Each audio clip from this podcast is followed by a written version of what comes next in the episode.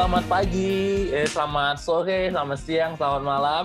Uh, pendengar eh, podcast FDK Abdi Muda di mana pun kalian berada. Baik lagi dengan kami kali ini, dengan uh, kami SN di Abdi Muda yang akan mengajak kalian, teman-teman semua, kali ini ngomong sesuatu hal yang sangat penting nih. Dan kebetulan kita sudah punya tamu yang bakal jadi teman kita ngobrol nih tentang uh, apa nih yang bakal kita omongin sebelumnya perkenalan dulu uh, karena biasa memang podcast kita kita ganti-ganti orang ya. Jadi kebetulan hari ini yang saya yang kebagian jadwal, kenalkan saya Dukung Pak Ganda atau bisa dipanggil Wiki. Mungkin teman-teman udah kenal lagi podcast-podcast yang sebelumnya. Saya sekarang status sebagai ASN di Kementerian Keuangan.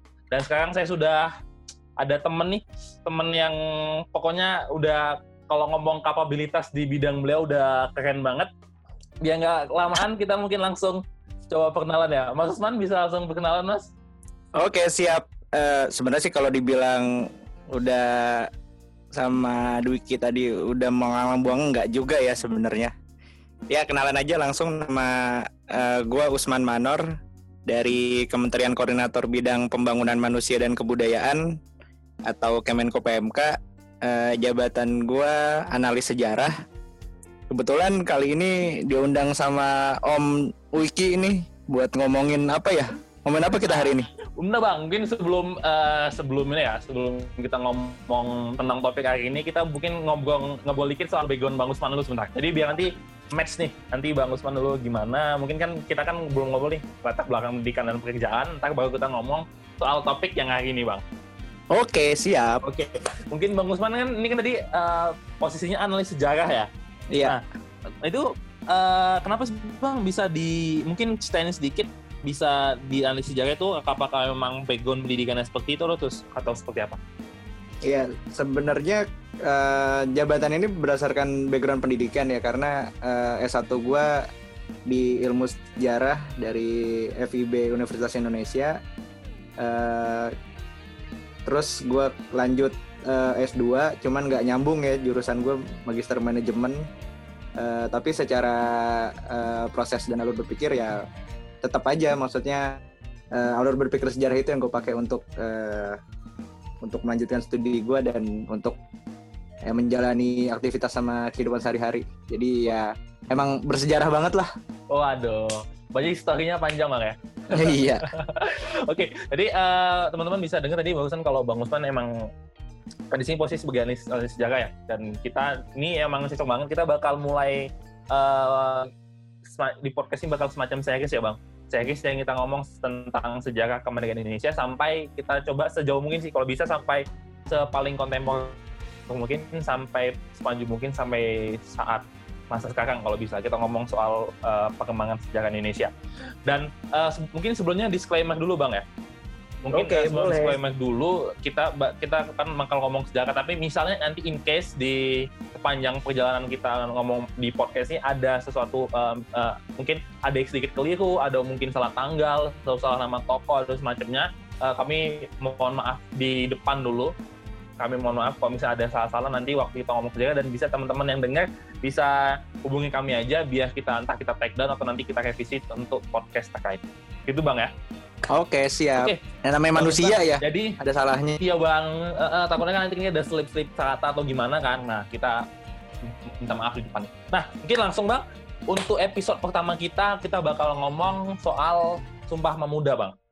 Nah Sumpah oh, iya. Pemuda. Pas banget nih. Yang tiga hari lagi. Mungkin uh, Iya mungkin di di waktu podcast ini direkam kita tiga hari lagi memperingati Sumpah Pemuda.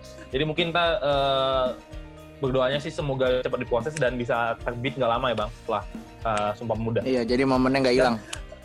Iya, momennya nggak hilang dan kita bisa tetap mengga menggali lagi nilai-nilai yang dulu udah ada lebih dari 100 tahun yang lalu tentang Sumpah Pemuda ini uh, berada. Eh, sorry, belum lebih 100 tahun ya, 90-an tahun, 1928 1928 ya. Iya. Oke. Okay. Uh, eh, lalu mungkin Bang Usman bisa bantu jelasin Bang nih. Kayak mungkin kita dari SD ya, dari SD, SMP, SMA pasti udah belajar lah. At least kita dapat pelajaran sejarah yang menjelaskan apa itu Sumpah Pemuda. Mungkin Bang Usman bisa bantu jelasin apa sih Bang sebenarnya Sumpah Pemuda itu? Sebenarnya uh, Sumpah Pemuda ini awalnya namanya bukan Sumpah Pemuda ya, karena uh, ketika uh, teksnya uh, teks atau notulensi hasil dari Sumpah Pemuda itu keluar nggak ada namanya, nggak ada judulnya. Jadi Sumpah Pemuda itu sendiri istilah tentang Sumpah Pemuda baru muncul tahun 1959. Berarti udah lama ya Bang, sebenarnya kan udah 14 tahun ya setelah kemerdekaan kita kan. Iya, jadi istilah Sumpah Pemuda itu resminya sejak dikeluarkannya keputusan Presiden nomor 316 tahun 1959 tanggal 16 Desember tahun 1959. Nah, di keputusan Presiden itu disebutkan bahwa eh, Hari Sumpah Pemuda ditetapkan sebagai hari nasional. Nah, baru di situ itu ada istilah Sumpah Pemuda. Jadi eh, ketika Indonesia merdeka, sampai tahun 1959 atau ketika uh, peristiwa tahun 1928 yang bersejarah itu ada nggak ada tuh istilah Sumpah Pemuda. Cuman memang uh, teksnya itu dari mulai uh, kami uh, putra putri Indonesia mengaku uh, bertanah air satu mengaku cinta uh, apa berbahasa satu. Itu semua semuanya memang seperti itu. Cuman nama besar atau judul besarnya itu Sumpah Pemuda belum ada saat itu nah baru ada tahun 1959 Iya. Berarti, berarti emang munculnya bukan waktu kejadian itu berlangsung bang ya, ya tapi jauh. Jadi waktu kejadian itu uh, hanya teksnya aja, hanya notulensinya aja. Uh, yang tiga poin penting itu. Berarti bakal muncul setelah tiga satu tahun ya? Dari iya. 28 ke 59, 31 ya. tahun setelah itu. Wah, cukup lama bang ya? Tapi memang cukup tapi lama. walaupun cukup lama, esensinya itu uh, maksudnya udah ada ya di tahun 28 tuh yang jadi esensi dan juga jadi salah satu cikal bakal ya cikal bakal perjuangan kemerdekaan Indonesia itu benar. Iya, jadi nah, uh, gini uh, untuk uh, Sumpah Pemuda sendiri awalnya itu uh, ada dua kongres, Kongres Pemuda pertama dan Kongres Pemuda kedua. Kongres Pemuda pertama itu uh, terjadi uh, tahun 1926, tepatnya tanggal uh, 30 April sampai dengan tanggal 2 Mei. Hmm, masih. Yang pertama ya, ya? lama tuh ya uh, kongresnya. Sementara kongres pemuda kedua itu uh, yang nantinya menghasilkan Sumpah Pemuda ini terjadi dua hari tahun 1928 tanggal uh, 27 uh, Oktober dan 28 Oktober. Ya, itu. Jadi uh, memang untuk uh, Sumpah Pemuda sendiri ini uh, melalui proses yang panjang. Nah, kalau ditarik lagi ke belakang, karena kan uh, peristiwanya itu kan pasti ada latar belakangnya kan. Hmm. Uh, peristiwanya uh, Sumpah Pemuda ini latar belakangnya adalah karena uh, pemerintah Hindia Belanda waktu itu menerapkan politik etis tahun 1901 uh, yang intinya adalah salah satunya uh, membuat banyak sekolah sehingga banyak orang-orang uh, Indonesia dari golongan-golongan tertentu atau golongan-golongan uh, uh, yang orang tuanya birokrat atau yang orang tuanya kerja di pemerintahan atau punya posisi penting atau seorang bangsawan itu boleh bersekolah. Nah dari sini banyak pemuda pemuda-pemuda yang akhirnya bisa uh, mengikuti studi dari sekolah dasar sampai dengan perguruan tinggi. Nah nanti mereka-mereka inilah yang uh, saya ya ya gue nyebutnya sebagai golongan terdidik dan tercerahkan ya karena hmm mereka ini yang belajar uh, baca tulis, mereka yang belajar ilmu pengetahuan, mereka melihat bagaimana dunia luar itu seperti apa, yang dunia luar itu ternyata bebas, nggak uh, terjajah. Nah, sementara mereka melihat di dalam negeri mereka di Indonesia yang waktu itu masih penyebutannya Hindia Belanda, uh, banyak orang yang tertindas, banyak uh, yang tidak uh, equal, tidak setara. Makanya akhirnya uh, mereka mulai uh, berupaya untuk uh, bagaimana caranya agar uh, kita bisa uh, bersatu melawan penjajah. Makanya mulai dibentuk berbagai organisasi. Nah, uh, ketika uh, politik etis ini diterapkan, uh, muncul uh, perbedaan antara uh, perjuangan ketika sebelum uh, politik etis diterapkan dan sesudah politik etis diterapkan. Sebelum politik etis diterapkan, perjuangannya itu lewat perang mengangkat senjata, perang langsung konfrontasi dengan uh, penjajah Belanda yang otomatis susah dilawan karena secara persenjataan kita pasti kalah. Nah, saat uh, ketika sudah diterapkan politik etis, banyak yang belajar, banyak yang sekolah, uh, perjuangannya itu berbeda. Perjuangannya itu lewat pemikiran yang diwujudkan lewat organisasi-organisasi. puncaknya tahun 1908 hadir satu organisasi yang meskipun uh, bukan organisasi yang uh, sifatnya nasional, sifatnya masih kedaerahan, sifatnya masih dalam tanda petik kejawaan, yaitu Budi Utomo. 20 Mei. Itu penyebabnya makanya setiap tanggal 20 Mei kita memperingati Hari Kebangkitan Nasional karena uh, Budi Utomo itu adalah salah satu tonggak uh, kita bersatu untuk uh, melawan penjajah. Nah, 1908 habis itu kita mulai uh, banyak membuat organisasi. Saya menyebutnya kita ya karena uh, ya kita kan pemuda ya. Uh, mulai banyak berorganisasi. Akhirnya uh, banyaklah dibentuk organisasi-organisasi seperti sebut saja satu Yong Java, kedua Yong Sumatera Bon, ketiga Yong Celebes, dan banyak organisasi-organisasi lainnya. Itu organisasi yang kepemudaan belum lagi organisasi yang sifatnya uh, kepartaian kepolitikan seperti uh, eh, PNI salah satunya. Gitu. Jadi uh, latar belakangnya adalah ingin menyatukan ide dan gagasan bagaimana supaya melawan penjajah. Dan jangan lupa saat ini kita lagi uh, langsung dikaitkan ke konteks uh, sekarang ya. Saat oh, ini kan kita lagi ngalamin pandemi pandemi COVID-19 waktu itu Hindia Belanda juga banyak penyakit menular. Meskipun uh, tidak kan kalau pandemi kan uh, lingkupnya luas ya, hmm. satu dunia oh. mengalami. Tapi uh, waktu itu Hindia Belanda banyak penyakit menular, sifatnya lebih rendah dari pandemi itu epidemi.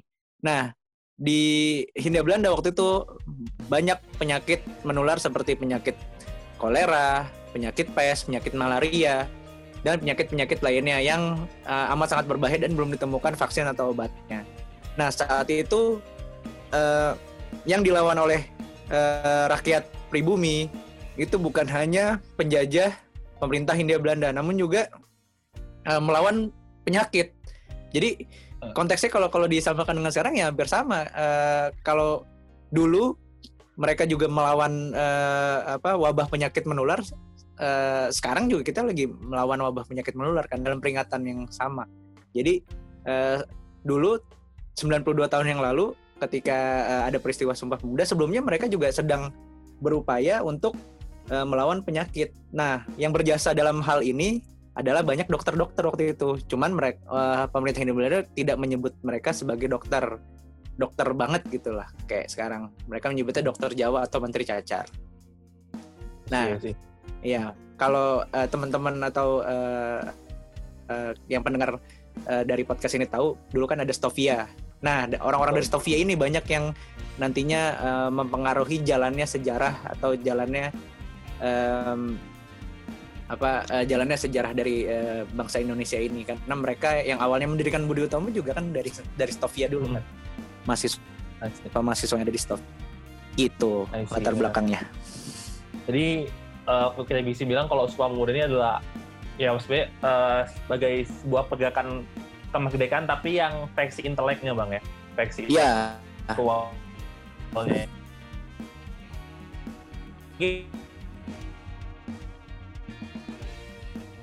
ini waktu negara itu belum ada masih ada kerajaan masih ada Bali ada Kesultanan Aceh yeah. Kesultanan Melayu yang masih sendiri-sendiri lah dan waktu itu masih hanya memfokuskan pada perjuangan fisik ya perang yang yeah. mana ya susah juga kayak abang Usman tadi bilang dilihat dari uh, apa modernitas persenjataan ya tapi dengan iya. adanya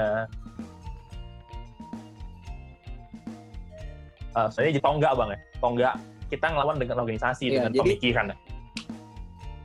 dan bang mungkin jadi, uh, gimana bang? waktu itu bukan uh, memang uh, pergerakannya ini masih uh, terkotak-kotak masih berdasarkan kedaerahan makanya kan namanya Yong Java pemuda-pemuda yang berasal dari ya, Jawa, Yong Sumatera oh. Bon, pemuda-pemuda perkumpulan yang berasal dari Sumatera, Yong Salabas, uh, terus juga ada Trikoro Darmo. Itu semua kan uh, berdasarkan identitas kesukuan dan kedaerahan. Nah, mereka hmm. perlahan-lahan mulai sadar bahwa uh, tidak bisa nih kalau kita hanya bergerak atas dasar kedaerahan dan kesukuan. Makanya hadirlah tadi ya, yang sudah disebutkan uh, sebelumnya bahwa ada Kongres Pemuda pertama. Nah di Kongres Pemuda pertama itu sudah ada upaya untuk menyatukan uh, visi misi mengenai uh, penyatuan dalam bentuk satu organisasi nasional. Namun saat itu uh, ya memang masih sulit ya karena uh, mereka masih uh, punya ego masing-masing namanya anak-anak muda gitu kan. Pengennya uh, iya. ya gue yang utama gitu. Makanya akhirnya di kongres pemuda pertama itu uh, harinya lama kongresnya panjang banyak yang uh, berpidato juga di situ. Dan uh, memang tidak uh, hasilnya tidak sepower. Dua yang jadi Sumpah Pemuda. Tapi di Kongres Pemuda pertama itu justru banyak uh, ide-ide yang bermuara satu hal bahwa ya kita ini harus uh, gimana caranya harus bersatu. Kalau enggak ya nggak akan bisa. Untuk uh, jangankan untuk uh, merdeka untuk kita bertahan uh, dalam situasi yang sulit aja itu nggak bisa gitu mungkin yang kalau kayak Bang bilang tadi yang di Kongres 91 masih banyak ego sektoral berarti Bang ya? Iya benar. Masih masih ke sukuan masing-masing. Dan itu mungkin dalam konteks saat itu adalah hal yang wajar Bang ya. Apalagi itu kan pertama kalinya nih ya, yeah. kayak pemuda-pemudi dari Indonesia campur bau ketemu dalam satu forum yang sama, ya adalah hal yang sangat natural kayaknya kalau mereka masih uh, penduduk pendahulu kita masih membawa kebanggaan sukunya masing-masing ya. Iya, ya ya kita iniin aja ke uh, diri kita masing-masing. Anak-anak muda kalau ketemu kan pasti oh gue yang paling keren nih gue yang paling keren. Yeah. nah, gitulah kira-kira zaman dulu. Betul, betul, uh, dan betul, mereka betul. juga latar belakang pendidikannya juga kan uh, latar belakang pendidikan Eropa. Uh, maksudnya uh, mereka memang sekolahnya di di Nusantara di Indonesia di Jakarta dan di daerah-daerah lain di kota-kota besar. Uh, cuman uh, gaya gaya pendidikannya itu kan gaya pendidikan Belanda waktu itu kan uh, ya sebut saja kayak uh, mereka ada yang lulusan dari sekolah tinggi hukum atau School, uh, Algemen Milbar Hon, uh, School yang yang sebenarnya uh, itu adalah sekolah-sekolah uh, uh, sekolah-sekolah terbaik di Nusantara waktu itu. Dan secara uh, garis keturunan mereka juga orang-orang yang latar belakang keturunannya itu dari bangsawan atau orang-orang yang petinggi-petinggi atau anak-anak pejabat lah istilah zaman sekarang gitu. Ya makanya uh, ego-ego mereka masih ada di situ. Nah, salah satu yang uh, yang menarik di uh, Kongres Pemuda pertama ini, kita ngomongin Kongres Pemuda pertama dulu ya, yang tahun 1926. Okay. Itu uh, ada salah satu uh, ini salah satu pidato yang nyebutin kata-kata uh, bahwa kita harus membentuk suatu perasaan nasional yang kompak. Jadi kita ini sekarang seperti bola-bola etnologi sosial yang tidak memiliki perasaan nasional yang kompak. Sih. Nah, berarti kesadarannya di situ ya, muncul. Ya, udah ya? mulai muncul untuk kesadaran itu. Nah, jadi uh, akhirnya uh, kita harus ketemu lagi gitu. Nah, dari situ dari Kongres Pemuda pertama ini, sih, sih. berarti memang uh. mereka udah mulai konsolidasi nih masing-masing dari perkumpulan itu.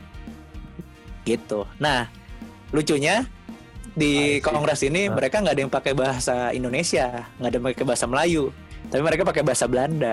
Ah, gitu. mungkin uh, karena background sekolahnya bang ya?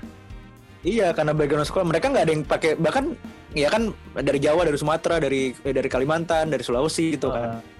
Nah mereka justru bukan ngomongnya bukan pakai bahasa daerah tapi pakai bahasa Belanda. Nah, sih karena mungkin ya di saat itu cuman bahasa Belanda bang ya yang bisa menjadi bahasa universal. Uh, dalam tanda petik yang menyatukannya itu bahasa Belanda memang waktu itu. Uh, ya karena kan background iya. mereka sekolah berdasarkan kurikulum sana ya dan yeah. diajarkan dengan bahasa Belanda. Iya. Yeah. sih, sih. Oke, oke. Tapi ya mereka ini itu kan uh, secara secara uh, kemampuan bahasa ya bahasa Belanda sama bahasa Inggris mereka lebih fasih daripada bahasa daerah mereka efek ya? efek pendidikan bang ya. Iya. Ya dalam saat itu kita ya itu kan konteks saat itu ya. Konteks saat itu di mana mereka saat ya emang belajarnya pakai bahasa itu kan. Jadi yang iya. ya hal yang wajar sebenarnya. Terus ini bang ini kan kita di uh, Kongres Pemuda satu nih. Terus juga kita maju dua tahun ke Kongres Pemuda dua. Iya. Kalau dari Kongres Pemuda satu, Pemuda satu tadi kan sudah membawa yang namanya kesadarannya dulu nih kesadarannya yeah. ya walau awalnya kan ego sektoral tapi di akhirnya kita oh kita harus punya nih sebuah uh, perasaan bersama ya satu satu kesatuan yang harus kita miliki dalam perjuangan kemerdekaan dan kita ketika uh, bergerak ke Kongres Pemuda dua itu kan berarti kata dia Bang bilang Kongres Pemuda pertama kan lama Bang ya. Iya. Jauh lebih lama daripada Kongres Pemuda dua kan yang cuma dua hari. Nah, berarti di Kongres Pemuda dua ini lah eh, kesadaran kebersamaan itu dirumuskan menjadi Sumpah Pemuda Bang ya. Iya, benar. Nah, Jadi waktu itu eh, eh, untuk langsung aja ya untuk Kongres Pemuda Bang. kedua itu eh, diadainnya di Jakarta. Sekarang eh, tempat ya kita tahu bersama tempat per- eh, perumusan dari eh, naskah Sumpah Pemuda itu sekarang jadi museum Museum Sumpah Pemuda di Jalan Keramat sekarang ya.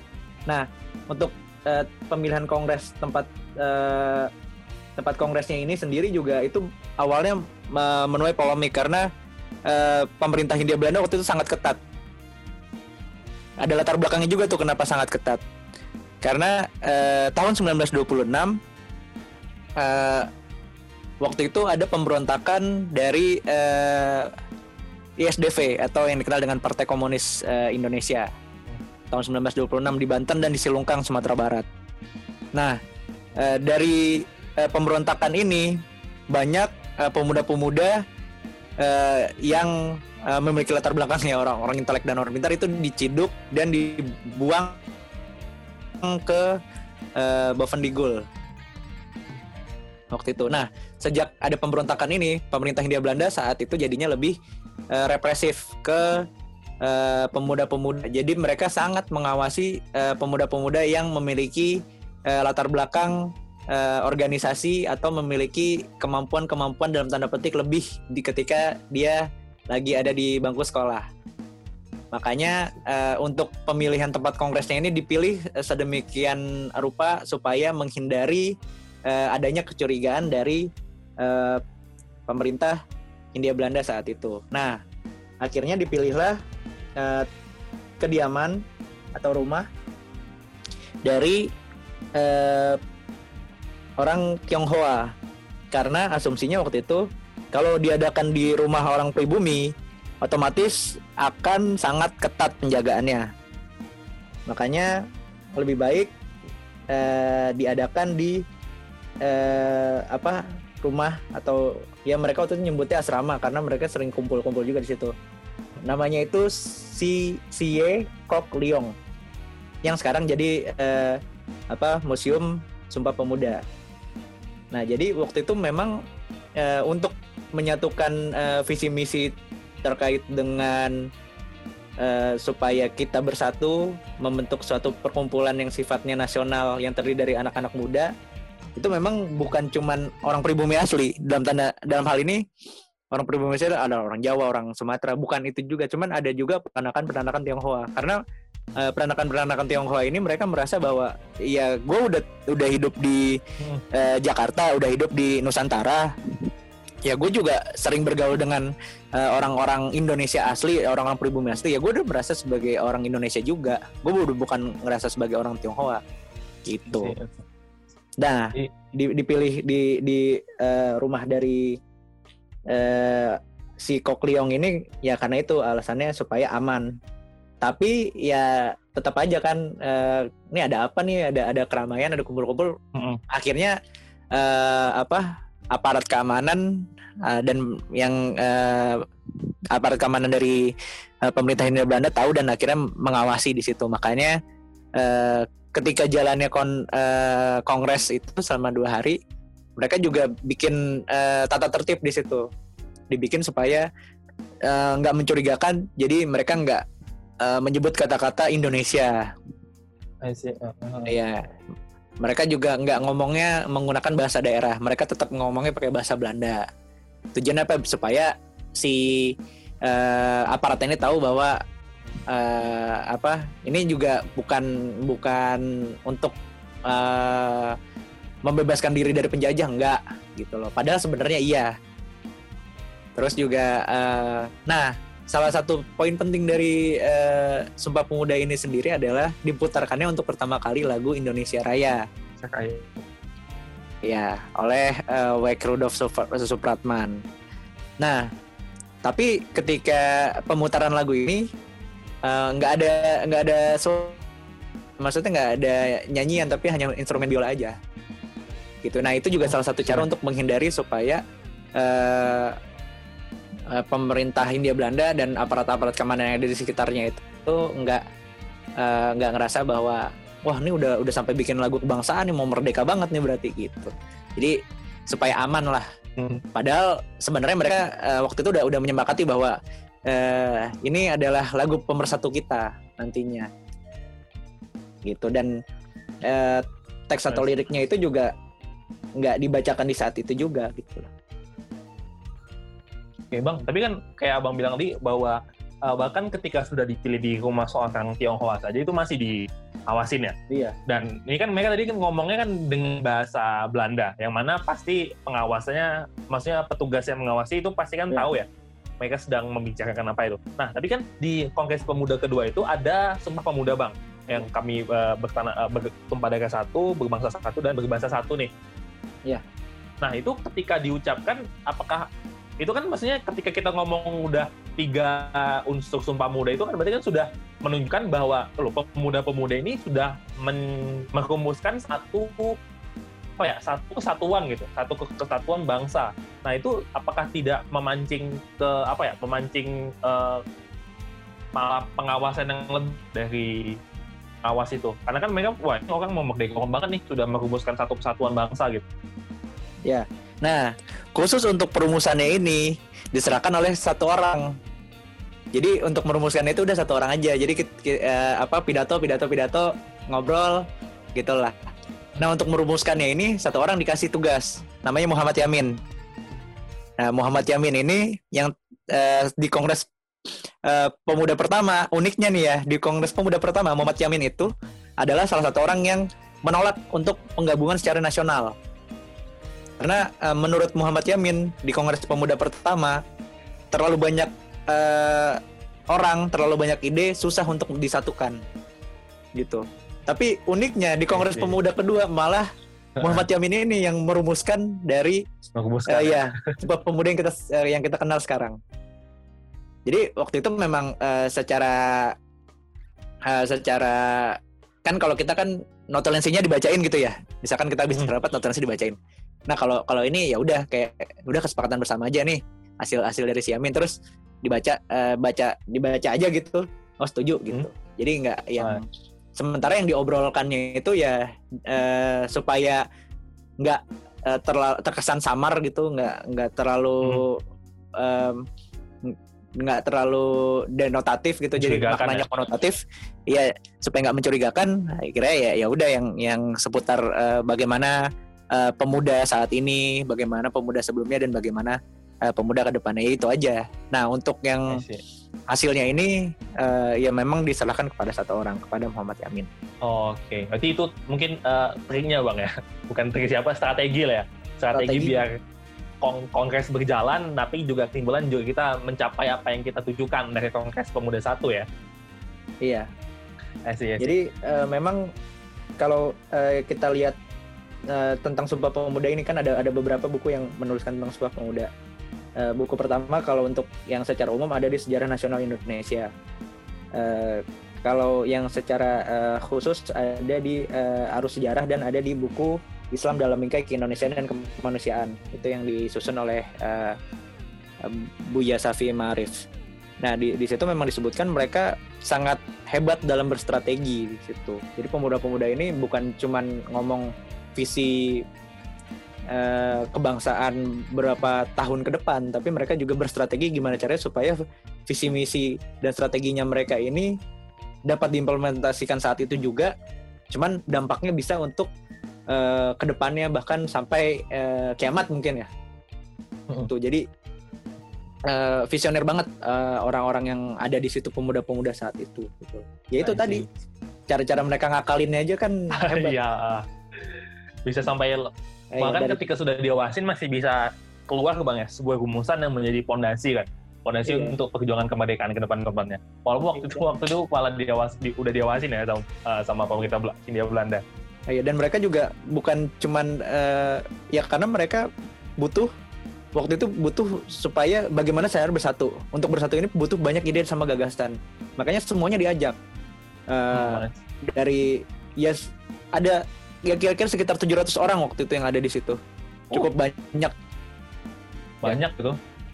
Jadi Slot, 700 orang. eh, dan di situ memang em, bukan cuman yang dari Jawa aja yang yang banyak omong, bukan dari Sumatera aja yang banyak. Cuman eh, di situ juga mereka membuka ru- ruang seluas-luasnya untuk yang eh, Tionghoa Tionghoa keturunan karena di situ juga ada beberapa orang ya se- sebenarnya sebut saja eh, Oi Kai Siang, John Lau Choan Hock dan eh, Chio Dijian Kui.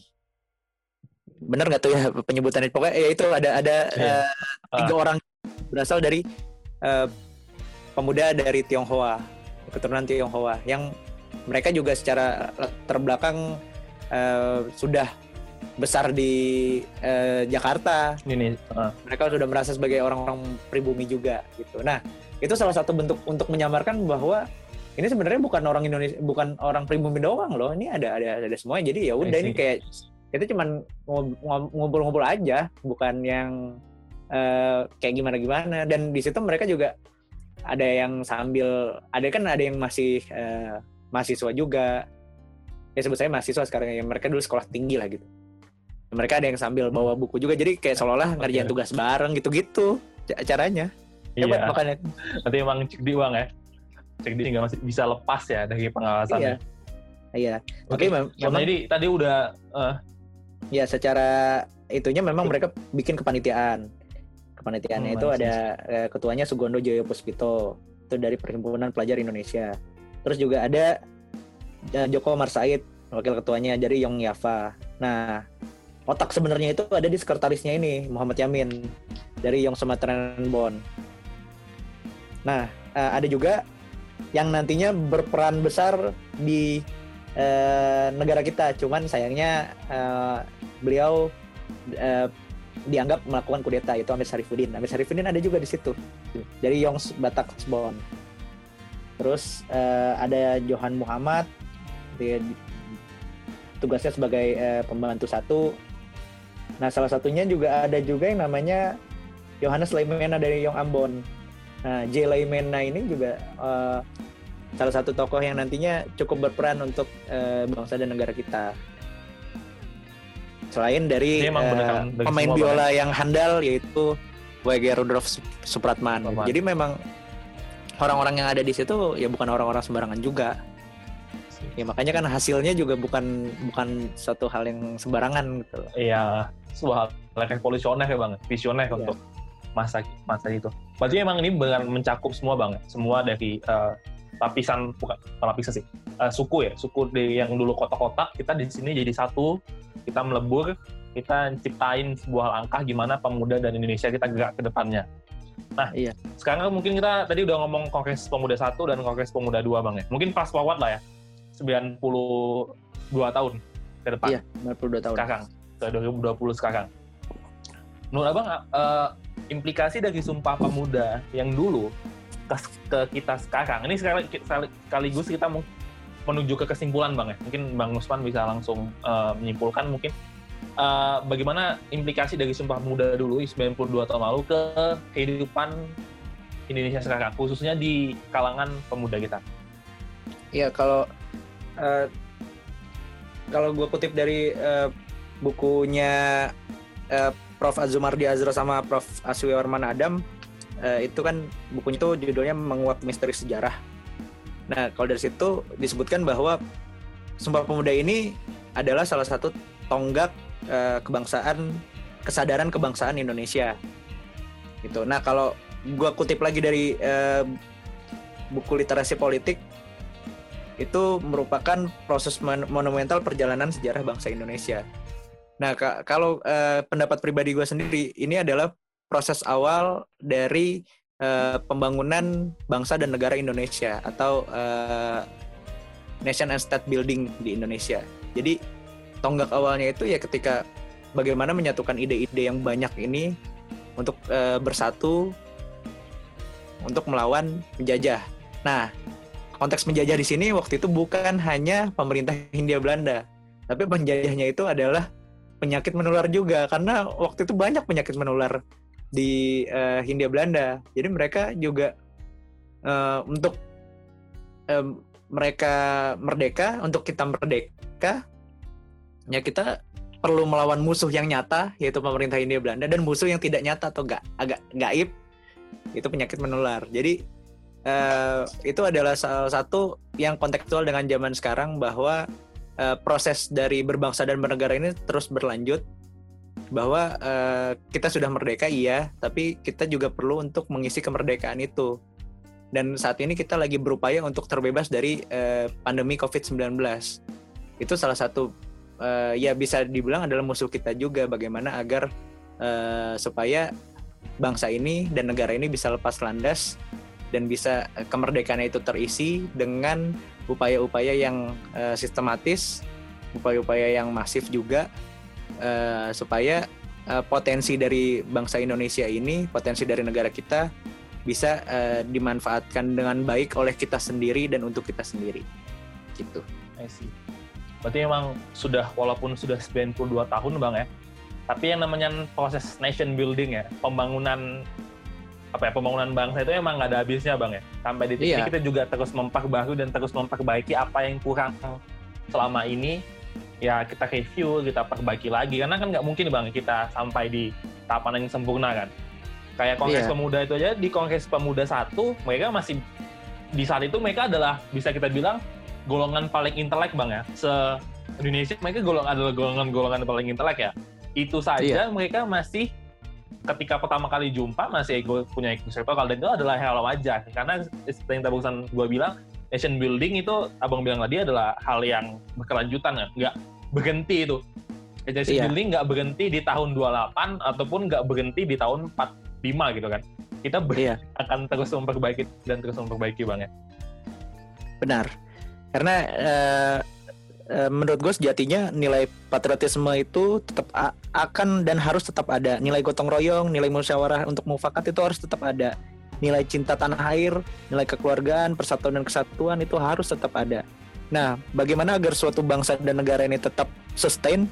Ya caranya harus kita harus bersatu padu, harus gotong royong. Bagaimana kita melawan pandemi ini, kita harus bergotong royong juga, harus harus punya uh, satu kesatuan visi dan misi. Tidak bisa kita ego sektor. Mereka sudah uh, mencontohkan kepada kita bahwa uh, dari yong yong yong ini yang banyak banget yang perkumpulannya itu mereka berusaha bersatu, akhirnya kita bisa uh, menjadi merdeka di tahun 45 gitu. Jadi memang see, see untuk uh, kita merdeka either itu dari pandemi kah atau kita merdeka uh, secara uh, utuh atau kafah ya kita memang harus uh, bersatu harus bergotong royong.